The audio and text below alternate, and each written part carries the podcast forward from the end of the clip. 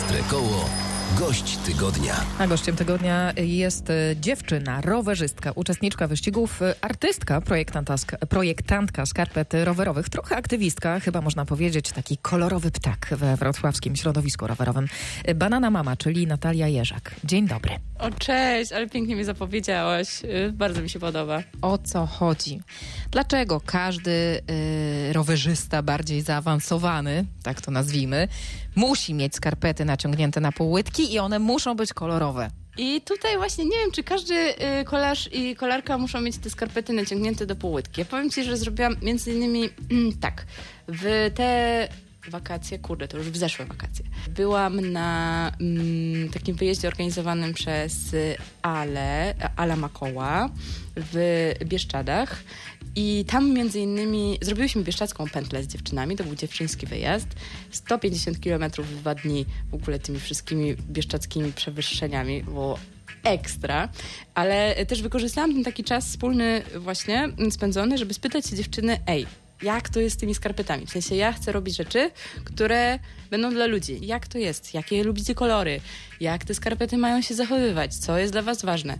No i dostałam oczywiście mnóstwo różnych odpowiedzi, ale się okazuje, że wcale niekoniecznie skarpety naciągnięte do półłytki, ponieważ różne są łydki i niektórym łydkom się to po prostu wrzyna i to wcale nie jest spoko.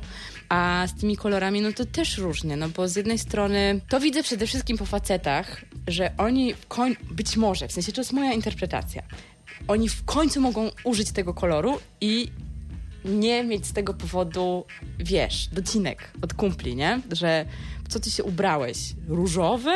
Albo, no nie wiem, jakie fioletowe? A tutaj przy, jakby jakoś tak to się dzieje, że w tej modzie szosowej, też ostrokołowej, no ostrokołowe no to jest w ogóle freestyle, tam wszystko możesz. Ja się wywodzę trochę z tej kultury właśnie kuriersko-ostrokołowej, kocham całym sercem, ale to trochę osobny wątek, no a tutaj w tym przypadku tego kolarstwa szosowego, no to taka jest moja interpretacja, że nareszcie można po prostu ubrać kolor jaki się chce i, i to uchodzi. To chyba wynika trochę z samej historii e, gdzieś e, e, kolarstwa szosowego, peletonu, że no tam wszystkie kolory są dopuszczalne, tak? Giro Italia, różowy, jakby jak naj, najbardziej e, dowartościowany kolor. W sensie jakby w ogóle jest taka zasada, że teamy nie mogą mieć różowych strojów, dlatego że ta różowa koszulka to jest dla tego, kto zwycięża. Czy to ma jakieś uzasadnienie takie praktyczne, to, że te skarpety są takie ważne w kolarstwie? Hmm, no. Mówiłaś mi przed chwilą o takich szybko schnących, że na na na na. No tak, bo skarpeta skarpecie nierówna. I um, przypadku tych skarpet takich tak zwanych kolarskich są to skarpety, które są z, zwykle z sztucznych włókien, ale no i tutaj w tym, wiesz, tym naszym takim jednak trendzie obecnie popularnym, ekologicznym zero waste, który jak najbardziej jest mi bliski, no to trochę tego jakby się nie da póki co połączyć, bo y, ważne jest, żeby ta skarpeta szybko schła i nie obciskała i żeby po prostu ta noga ci, ta stopa ci oddychała jak najlepiej. To też nie tylko jest ważne przy samych zawodach, gdzie po prostu masz nie myśleć o tym, że masz te skarpety na sobie, one mają ci nie przemoknąć, nie zapocić się, nie zaśmierdnąć, mówiąc wprost. Ja się nie boję takich tematów. Proszę bardzo, jestem specjalistką skarpet. Skarpety mają ci nie zaśmierdnąć. Ale też y, później, na przykład y, przy jakichś wyprawach ultra, ta skarpeta ma też szybko wyschnąć, ponieważ y, no jedziesz, jedziesz, jedziesz, masz mało czasu, spakowałaś się, wiesz, bikepackingowo, czyli na lekko, czyli pewnie masz tylko dwie pary, więc w tym czasie, kiedy masz jedną ubraną, to druga ci schnie. Więc to nie może być bawełna, bo ona ci nie przeschnie w ciągu nocy. To musi być po prostu coś, co gdzieś tam w przydrożnym, nazwijmy to, strumieniu, no szybko jakoś, nie wiem, wytrzesz piachem, zawiesisz gdzieś tam na swoim rowerze i rano wstajesz, to już jest suche i jedziesz. O najnowszym, trochę kontrowersyjnym, poruszającym temat golić nogi czy nie projekcie skarpet porozmawiamy już za chwilę. Dzisiaj w Ostrym Kole tak trochę śmiesznie, a trochę poważnie, bo szalony goszczy w, programie, a właściwie gościuwa Banana Mama, czyli Natalia Jerzak, która projektuje skarpety kolarskie i teraz o najnowszym projekcie z mocnym przekazem. Ostre koło w Radiu Wrocław. E, To jest odważna rzecz, e, która jest takim mm, no, społecznie odważna rzecz. E, My musimy tutaj parafrazy użyć, bo tam występuje słowo niecenzuralne. No powiedzmy, że jest to pitole nie gole. Chodzi o golenie nóg oczywiście. To jest trochę niesamowita rzecz, bo ja od nie wiem, półtorej roku, myślę, chodzę po prostu wokół tematu właśnie typowych skarpet stolar, y, kola, stolarskich, kolarskich, jak, y, nie wiem, y, lisek koło drogi.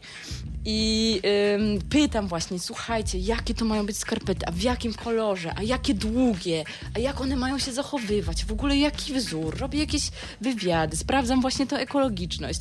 I nagle się okazało, że siadłam, byłam na maksa zmęczona i wpuściłam żart, przysięgam, po prostu żart taki, że zrobiłam po prostu taką wizualizację na szybko, y, na skarpetach z tym napisem pitole, nie gole i wrzuciłam to, słuchajcie, mam tutaj, otwieram dyskusję i wrzuciłam to właśnie w środowisko kolarskie na Facebooku, że co o tym sądzicie, golić czy nie golić? I otworzyłam puszkę Pandory. Ale wśród kobiet czy mężczyzn? Bo to może mieć różne jakby konotacje i tu i tu. No i właśnie to jest fascynujące, że wokół wszystkich. To jest temat, który dotyczy wszystkich, bo nie wiem, czy wszyscy wiedzą, ale y, kolarze, szczególnie kolarze szosowi i torowi, golą nogi. Kropka. I teraz, czekaj, to jest taki moment, kiedy niektórym osobom, które o tym nie wiedziały, muszą przetworzyć sobie te informacje. Słuchajcie, mężczyźni, prawdziwi mężczyźni, osiągający wyniki, jadący tam, robiący rekordy, niczego im nie brakuje, są umieśnieni, mają, nie wiem, żony, partnerki, szybkie samochody i oni nogi.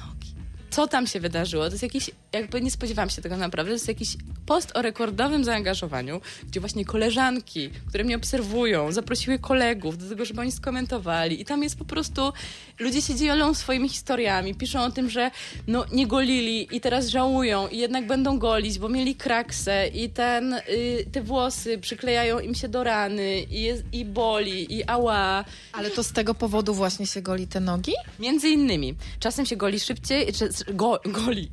Goi, bo chodzi o to, że golić, żeby się goiło szybciej, na przykład, ale też, że niektórzy golą, na przykład kolarze to, torowi, moi koledzy z wrocławskiego y, toru y, wrocławski velodrom, mówili, że jednak te włosy to robią pewien opór powietrza i oni chcą być najszybsi, bo na przykład na sprincie na 200 metrów to każda po prostu milisekunda robi różnicę i golą. I jak próbowałam swoich sił na torze, to y, była taka sytuacja dla mnie bardzo wstydliwa, gdzie no właśnie spadłam z toru, więc rozbiłam sobie kolano, chłopaki pomogli mi się opatrzyć, miałam gorzej ogolone nogi niż oni. Natalia Jerzak, czyli Banana Mama dzisiaj w Ostrym Kole. Natalia projektuje skarpety rowerowe, ale też po prostu jeździ na rowerze. Gdy mieszkała w Berlinie, przeprowadzała się z mieszkania do mieszkania z plecakiem na Ostrym Kole. Nie przyszło jej do głowy, że można to zrobić samochodem. Ostre koło. Gość tygodnia. Ty jako artystka też wyjechałaś do Berlina na pewien projekt właśnie artystyczny, jakby związany z, tą- z tą sferą twojej działalności, ale z tego, co mi przed wejściem y, opowiadałaś, to tak naprawdę też tam pewnych obserwacji rowerowych dokonałaś. Tak, byłam w 2017 albo w 2018 roku y, w Berlinie, tutaj z naszego wrocławskiego programu Erwro. Siedziałam tam półtora miesiąca na rezydencji artystycznej. Chodzi o to, żeby artyści byli w różnych miejscach, żeby ta sztuka się tak, wiesz, żeby nie siedziała w jednym miejscu, no bo jak wyjeżdżasz gdzieś, to się inspirujesz, inni się inspirują tobą i przy okazji y, tego wszystkiego zrobiłam 600 kilometrów swoim ostrym kołem po Berlinie oraz wzięłam udział w y, Alejkacie, w którym zajęłam tarą, trzecie miejsce. Gratulacje, to chyba jak na Berlin całkiem dobry wynik, co? Boże, to była taka chwila, naprawdę. Czułam się niesamowicie. Jeszcze miałam dostać, w, stać w ogóle na podium pod bramą brandenburską, ale się spóźniłam, bo wspierałam kolegę, który umierał po tym, jak przejechał 100 kilometrów. Banana Mama. Bana... A no, tak, tak, więc... A jak dużo osób bierze w takim Berlinie udział w Alejkacie?